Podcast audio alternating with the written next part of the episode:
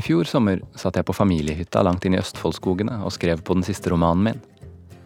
Det ble mange timer bak skjermen hver dag, men jeg prøvde å ta pause når det var sommer i P2 på radioen. Da satte jeg meg ned med en brødskive og så utover vannet mens jeg lærte om andre menneskers liv. Og i sangene mellom all snakkinga tenkte jeg på hva jeg selv ville ha snakket om hvis jeg hadde blitt invitert til programmet. Nei, det var jo ikke så lett å si. Det er liksom en forventning om at man skal snakke om seg selv i dette programmet. Men som forfatter har jeg nærmest gjort et poeng av at jeg ikke skriver selvbiografisk. Og så er det én ting til. Man skal helst ha en klar ramme for det man velger å snakke om. For da blir det enklere for deg som lytter å følge med mens du kjører bil eller tar oppvaska på hytta eller hva du nå gjør. Men jeg er bare ikke en rammetype. Livet mitt har handla om å lure meg unna rammene. I enhver livssituasjon vet jeg alltid hvor nødutgangen er. Støvlene står klare. Bilen står parkert med nesa ut. Ikke kom her og spør meg om rammer, nei. Men så kom altså forespørselen fra NRK. Jeg takka ja, og nå sitter jeg pent og pyntelig i saksa. Mitt navn er altså Demian Vitanza, og dette er Sommer i P2. Kanskje jeg burde ta utgangspunkt i det jeg driver med akkurat nå. Altså ikke nå når du lytter til dette, og heller ikke nå når jeg leser disse ordene i et studio hos NRK.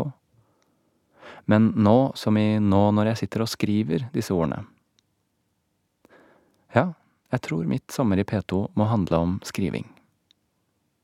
Det er det nærmeste jeg kommer en ramme i et ellers uryddig liv.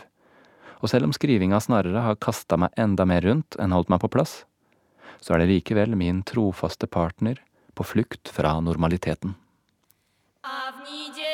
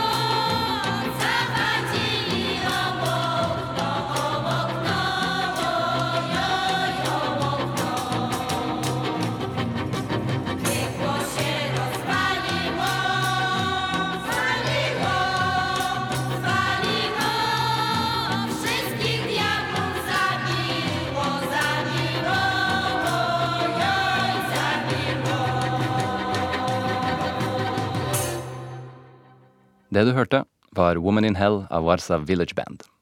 Jeg kom over denne låta da jeg bodde i London i 2006. På et loppemarked i Brick Lane sto det en kasse med CD-er til ett pund per skive, og jeg kjøpte med meg litt musikk jeg ikke kjente fra før. Jeg var egentlig i London for å studere på London School of Economics.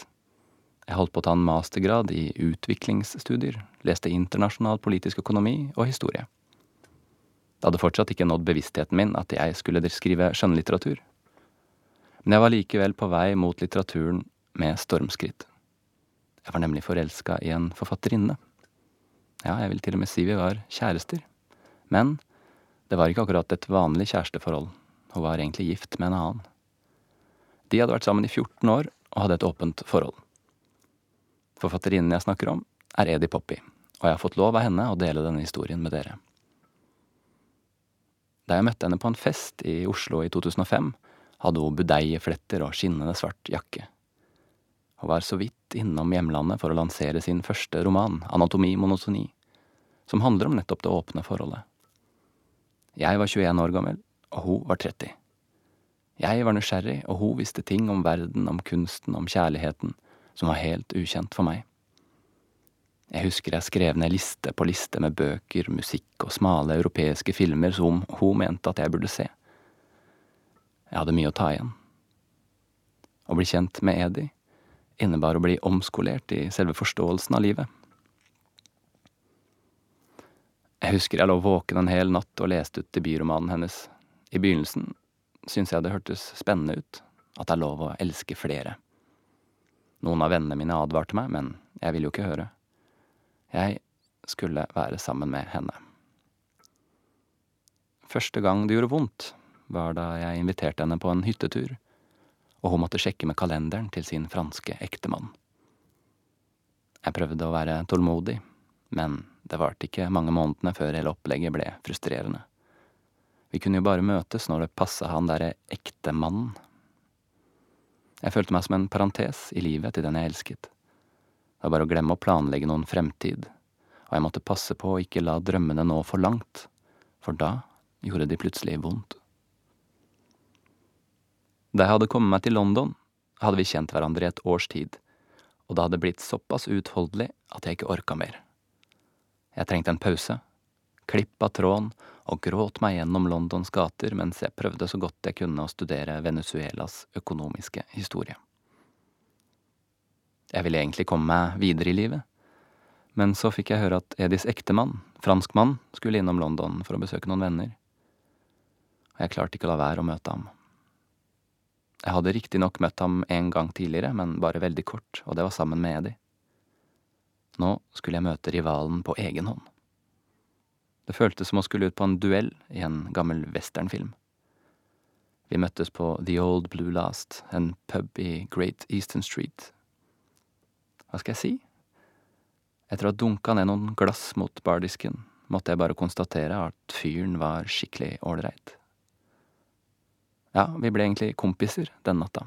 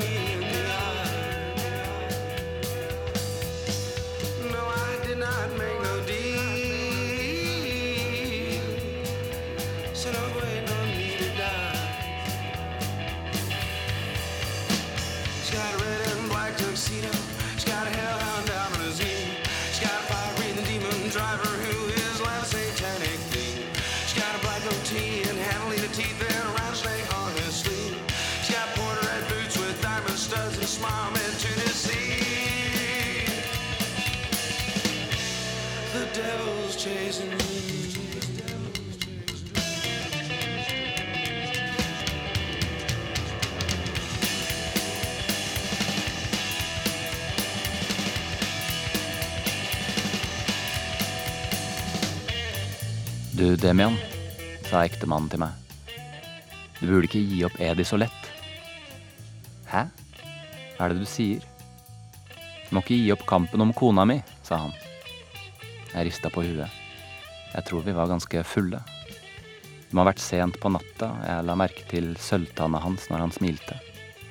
Hvor var det vi var? På et eller annet nachspiel? På et tidspunkt tok han tak i skuldra mi og gravde blikket inn i ansiktet mitt.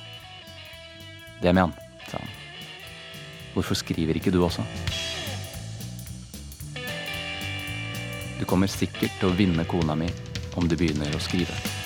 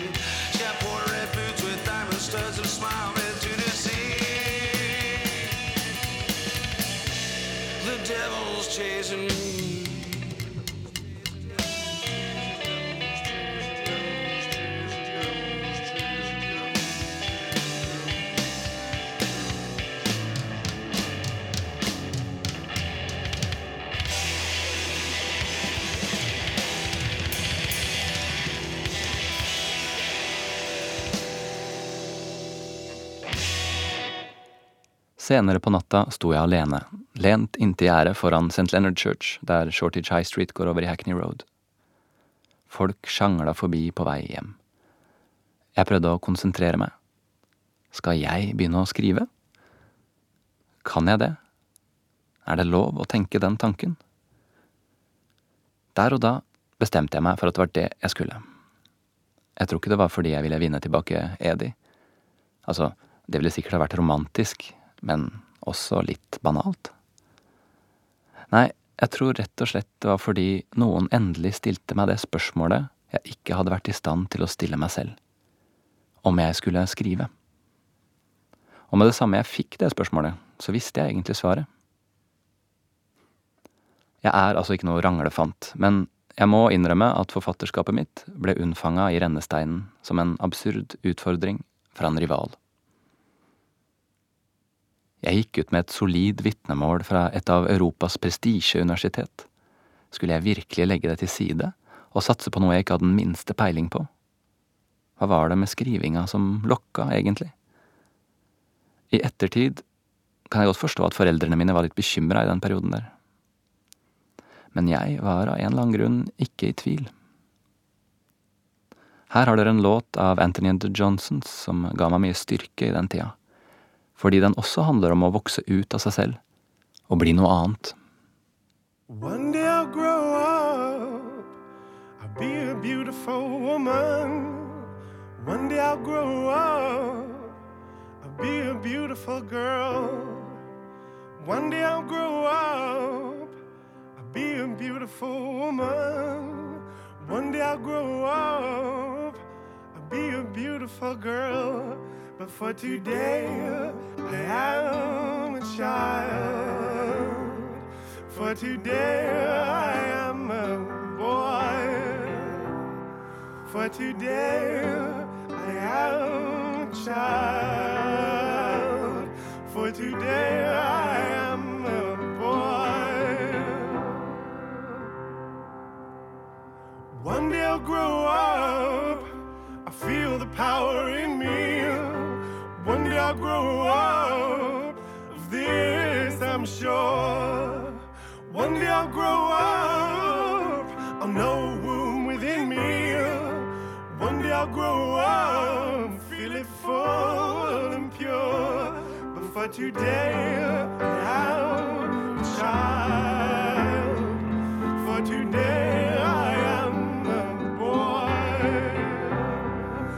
what you did.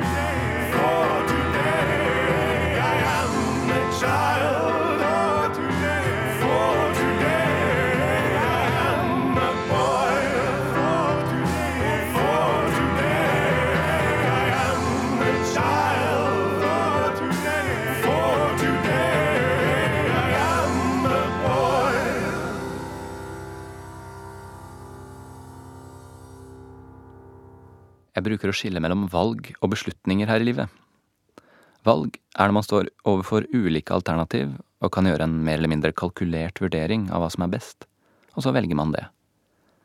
Beslutninger derimot, det er noe helt annet. Det er å kaste seg baklengs inn i et mørke uten å vite hvor bakken er, uten å vite hvor det skal lede hen. Man bare gjør det.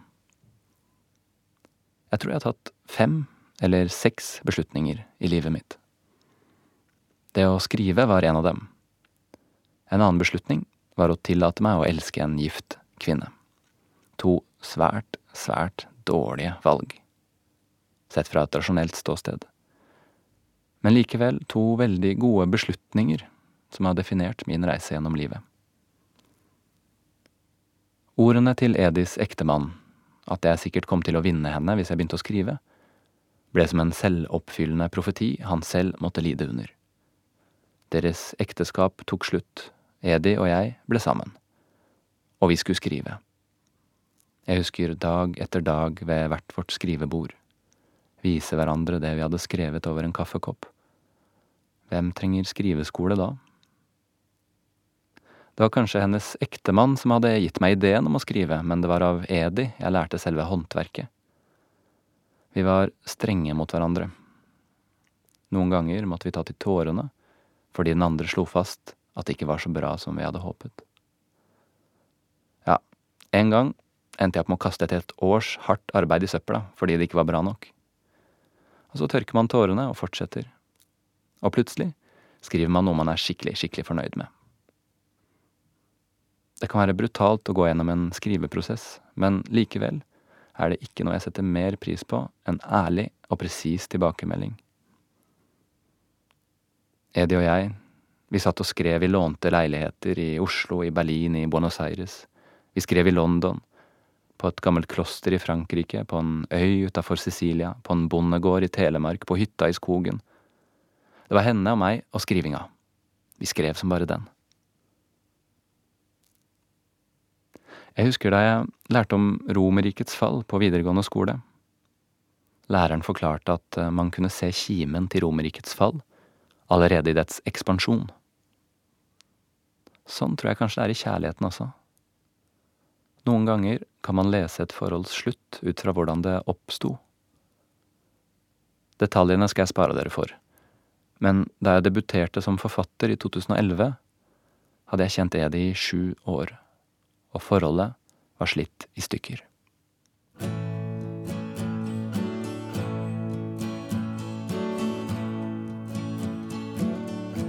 I have been a rover. I have walked alone, hiked a hundred highways, never found a home. Still and all, I'm happy. The reason is, you see, once in a while along the way, love's been good to me. There was a girl in Denver before the summer storm. Oh, her eyes were tender. Oh, her arms were warm. And she could smile away the thunder, kiss away the rain. And even though she's gone away, you won't hear me complain. I have been a rover. I have walked alone, hiked a hundred highways, never found a home. Still and all, I'm happy. The reason is, you see, once in a while along the way, love's been good to me. There was a girl in Portland before the winter chill. We used to go a courting along October Hill, and she could laugh away the dark clouds, cry away the snow. It seems like only yesterday as down the road I go. I've been a rover. I have walked alone, hiked a hundred highways, never found a home. Still and all, I'm happy. The reason is you see, once in a while along the way, love's been good to me.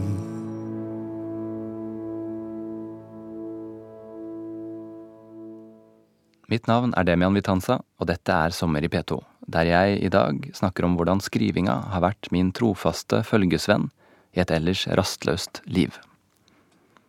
Dere har sikkert hørt det retoriske spørsmålet hvis man har bytta skaftet på øksa fem ganger og bytta bladet to ganger, er det fortsatt samme øks da? Poenget er at man føler det er den samme øksa så lenge man bare bytter ut én av komponentene av gangen. Hvis du bytter blad og skaft samtidig, da må man kalle en øks for en øks og erkjenne at den er ny. Jeg har flere ganger i livet følt at jeg har bytta ut skaftet og bladet samtidig. Når man flytter til et nytt land, begynner å skrive en ny bok, møter en ny dame, og gjerne alt sammen på en gang.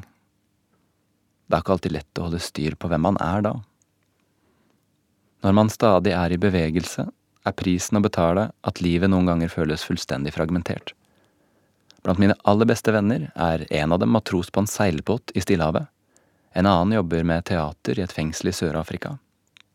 En bor i Hollywood, og en annen er yogalærer ute i skogen i Italia. Det er ikke så lett å samle trådene. Noen ganger tenker jeg at det eneste som holder meg sammen, er navnet mitt, men selv det har jeg skifta en gang. Likevel, Et års tid etter at det ble slutt med Edi, bestemte jeg meg for å gjøre livet mitt enda mer bevegelig. Jeg måtte nemlig flytte ut fra leiligheten min i Oslo, og orka ikke én runde til på boligmarkedskarusellen. Så jeg ga blaffen i alt sammen og kjøpte meg en bobil. Kvitta meg med alt jeg hadde som ikke fikk plass i mitt nye hjem, Chateau Mobile. Jeg gjorde dette stuntet på forsommeren. Hvis man skal gjøre store endringer i livet, bør man alltid gjøre det på forsommeren. Fordi begynnelser er sårbare, og man trenger hjelp av det overskuddet de varme månedene så sjenerøst deler ut. Så kan man løfte opp det nye livet sitt mot sola som et prisme og se hvordan det spalter opp sommerens lys. Yeah right, sånn ble det i hvert fall ikke. Bobilen måtte stå parkert i flere måneder mens jeg venta på noen papirer. Den passive volden som et stykke papir kan utøve, er noen ganger ubegripelig. I mellomtiden satt jeg på familiehytta i skogen og skrev, mens sommeren tømte seg for krefter. Da papirene endelig var på plass, oppdaga jeg en lekkasje i taket på bobilen. Madrassen var bare å kaste, finerplatene under var også mugne. Dette skulle være mitt nye hjem. Muggent. Hvordan kunne jeg overse den lille sprekken som fikk det til å piple inn vann da jeg kjøpte bobilen? Mugg i hjemmet betyr mugg i pusten, mugg i hjernen, mugg på drømmene. Første impuls var å gi opp, kanskje hele greia var en dårlig idé. Jeg følte at muggsoppen var en advarsel om et slitsomt liv med mye trøbbel. Men så ringte jeg en gammel venn. Ja, det var faktisk eh, Edi. Vi slutta ikke å være venner selv om vi slutta å være kjærester. Og hun fortalte meg at jeg måtte se å få reparert den der bobilen. At jeg måtte gjøre det for skrivinga. Vi er begge av den oppfatning at det å være forfatter handler om mer enn bare å sitte ved skrivebordet. Det handler om å utsette seg for nye situasjoner, om å oppsøke det ukjente. Det handler om å gjøre livet til et laboratorium. Prøveting, rett og slett. Hvor utmattende det enn kan være. Greit, sa jeg. Jeg gjør det for skrivinga. Og så var det bare å sette i gang. Jeg måtte skru løs hele senga oppi alkoven, rive løs lag på lag med mugne materialer og bygge nytt. Da det endelig var klart, var det allerede høst. Jeg fikk ingen hjelp av sommeren. Men nå var jeg på vei. I bevegelse. Og da kan man egentlig leve med det meste. Jeg kryssa Svinesundsbroa på natta, og husker at det var tollkontroll på svenskesida. Jeg rulla ned vinduet og snakka med tolleren. Han bladde i passet mitt med de svarte skinnhanskene sine, for han spurte meg hvor jeg var på vei. Ingen aning, sa jeg. Han så opp mot meg som om han ikke forsto. Absolutt ingen aning, sa jeg igjen og begynte å le. Tolleren så strengt på meg et øyeblikk, før han vinka meg videre.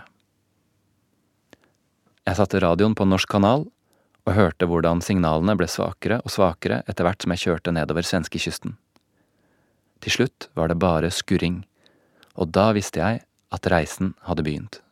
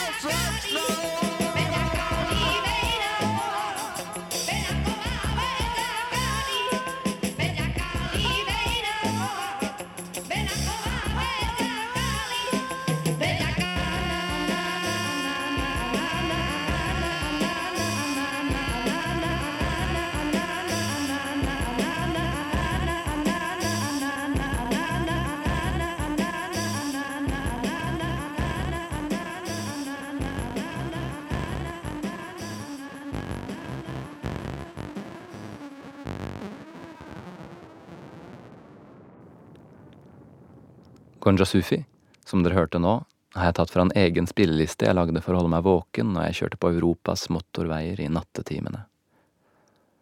Jeg reiste for å reise, og jeg reiste for å skrive. Jeg kunne finne på å stoppe på en rasteplass langs en eller annen motorvei fordi jeg hadde en setning i hodet jeg var redd skulle glippe. I løpet av det første året hadde jeg vært innom et tosifra antall europeiske land og skrevet ferdig min andre roman Subrosa. Men den hadde ikke så mye å gjøre med alt det jeg opplevde på reisen. Faktisk merka jeg at skrivinga konkurrerte med reisinga.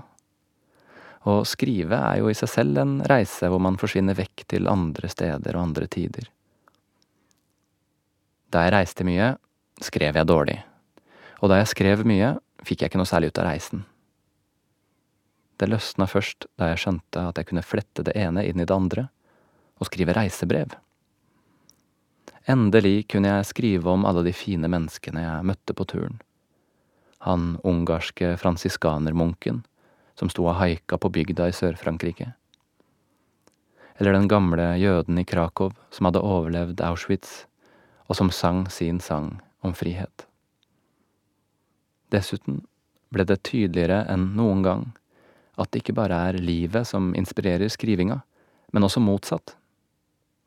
Vissheten om at jeg skulle skrive ukentlige reisebrev, gjorde at jeg måtte kaste meg inn i situasjoner, utsette meg for møter, både tilfeldige og planlagte. Det er egentlig en fin øvelse. Prøv å leve et liv på en måte som det er verdt å skrive om. Etter 35 000 km og 20 land hadde Europas elver og veier vevd seg sammen i tankene. Da jeg var i Novi Sad i Serbia, møtte jeg en musiker som heter Istvan. På veggene i studioet sitt hadde han klistra kart fra byene han hadde turnert i med bandet sitt. Karta var klipt til og lagt i en sånn vinkel at elvene og veiene fra de forskjellige byene gled inn i hverandre. Og så skapte det et kontinuerlig kart som strakk seg over de fire veggene. For meg er denne kollasjen av veier og elver en presis metafor på hvordan hjernen fungerer. For tankene har sitt eget kart, uten respekt for geografisk avstand. En gate i Dubrovnik kan plutselig minne om Laon i Frankrike. Når jeg krysser Donau, tenker jeg på alle gangene jeg har krysset Rhinen eller Guadalquivir. Som om det var én og samme elv, vann som renner. Først prøvde jeg å skille de ulike inntrykkene fra hverandre, sortere hva jeg hadde opplevd hvor. Men etter hvert har jeg gitt slipp, og tenker at det også er litt fint å la kontinentet smelte sammen. Den trappeoppgangen i Cordoba, kanskje den leder til en bakgård i Budapest. Men alt har sin lengde, sin tid. Selv om åra i bobil nok er de aller beste jeg har å tenke tilbake på, begynte jeg å bli bekymra for at jeg skulle bli en sånn ensom raring på hjul. Jeg måtte finne på noe nytt, og nok en gang var det skrivinga som viste vei. Fra å ha utforsket maksimal frihet skulle jeg nå til det motsatte. Jeg var på vei til fengselet.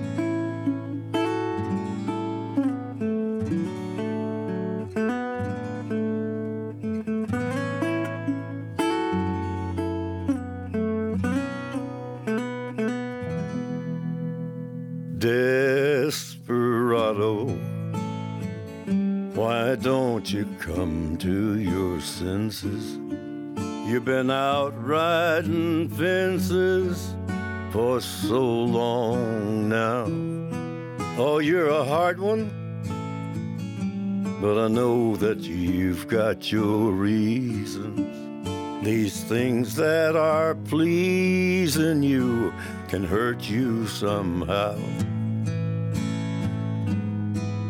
Don't you draw the queen of diamonds, boy. She'll beat you if she's able. No, the queen of hearts is always your best bet. Now it seems to me some fine things have been laid upon your table, but you only want the things that you can't get. Desperado, oh, you ain't getting no younger. Your pain and your hunger they're driving you home. And freedom, oh freedom, well, that's just some people talking. Your prison is walking through this world all alone. And don't your feet get cold in the wintertime? The sky won't snow, the sun won't shine. It's hard to tell the nighttime from the day. You're losing all your highs and lows. Ain't it funny how the feeling goes away?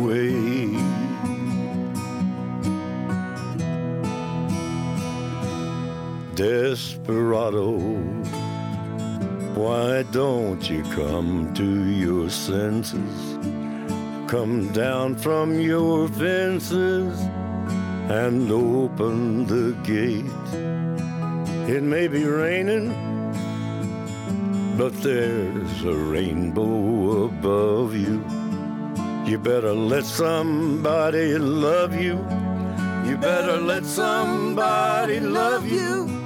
You better let somebody love you before it's too late.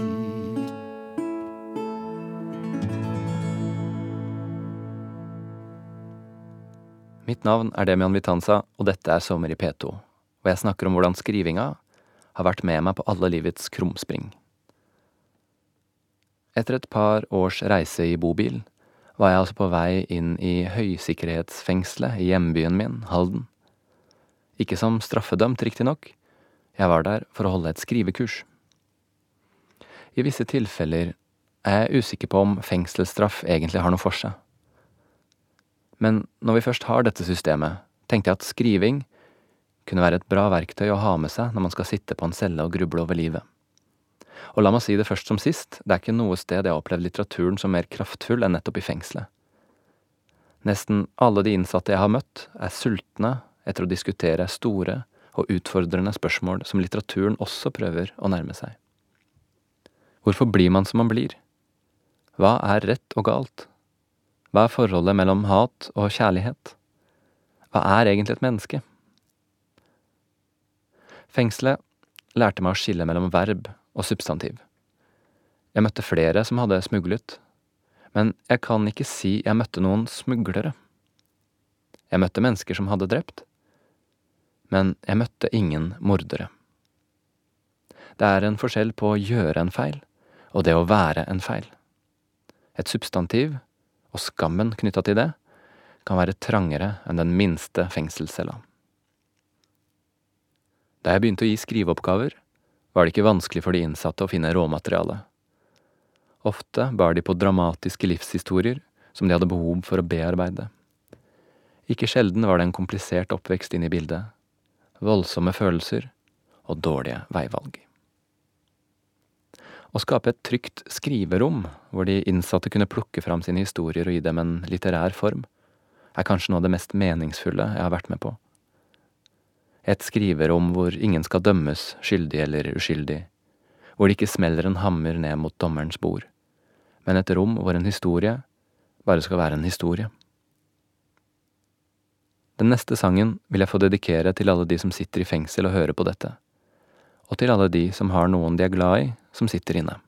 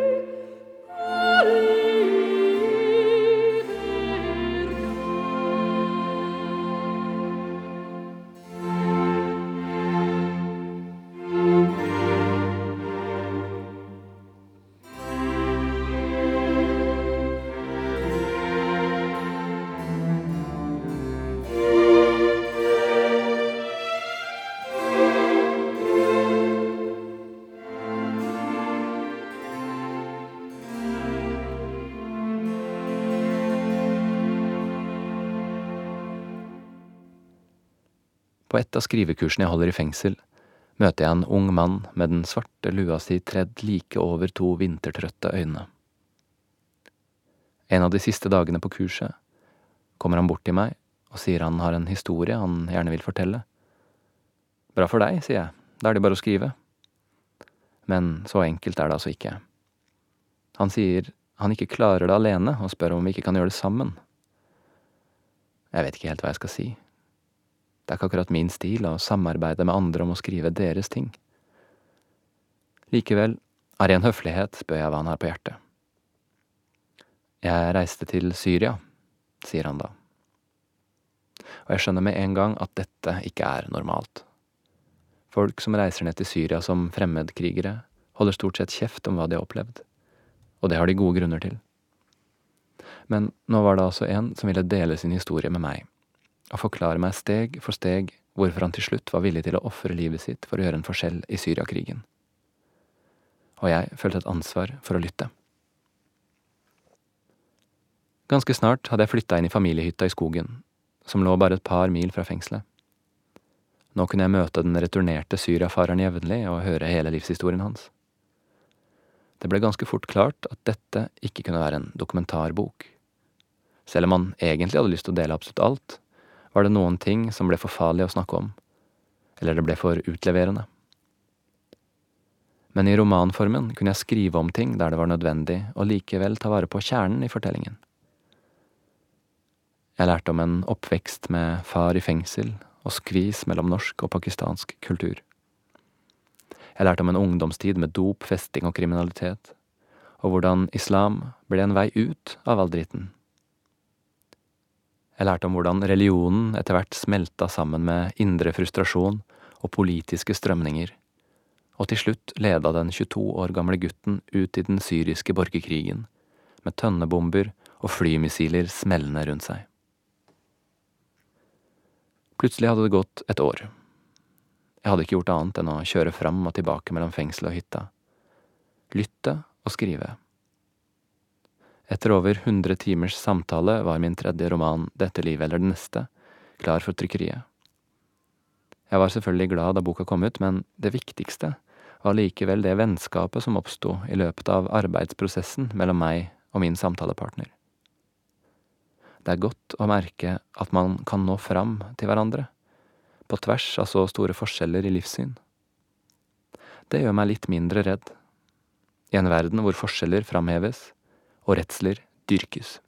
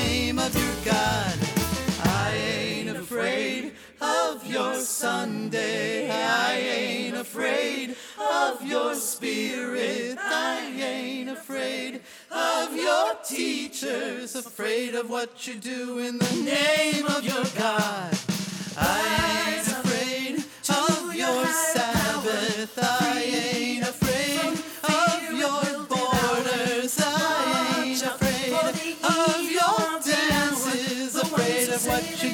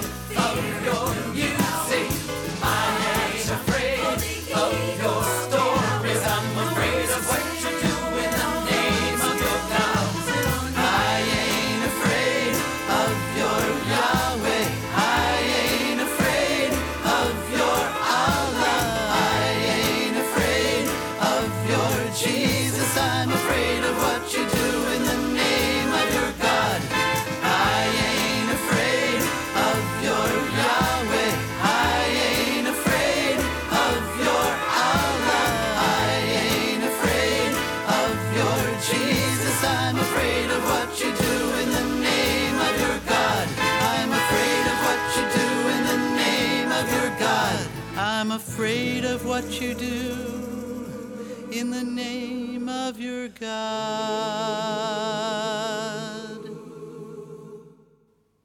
Jeg har snakka en del om hvordan skrivinga har kasta meg rundt i livet. Hvordan den har fletta seg inn i kjærlighetslivet og fått meg til å reise rundt to år i bobil og tatt meg med inn bak fengselsmurene. Er det kanskje på tide å stoppe opp litt?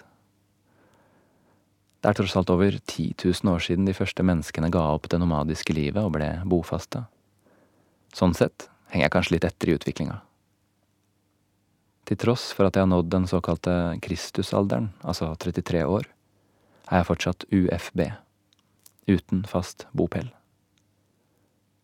Fram til nå har jeg valgt det nomadiske forfatterlivet, men det blir jo litt slitsomt i lengden.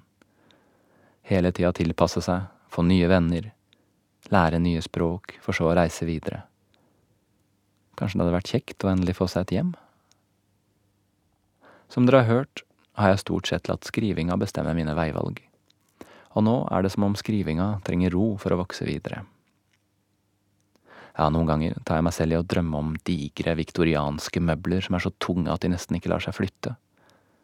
Jeg ser for meg et skrivebord omkransa av bokhyller, og at jeg stirrer ut av nøyaktig det samme vinduet dag etter dag i pausene mellom skriveøktene. For meg virker et helt vanlig liv plutselig litt eksotisk. Men jeg vet ikke helt. Boliglån, oppussing, forpliktelser. Kanskje det bare er en felle? Jeg skal i hvert fall bruke resten av sommeren på å finne veien videre. Og la meg nå avslutte med å spille et stykke jeg ofte hører på når jeg har avsluttet noe og er på vei mot noe nytt og ukjent. Dette er Dustin O'Halloran med An Ending A Beginning. Takk for meg, og god sommer.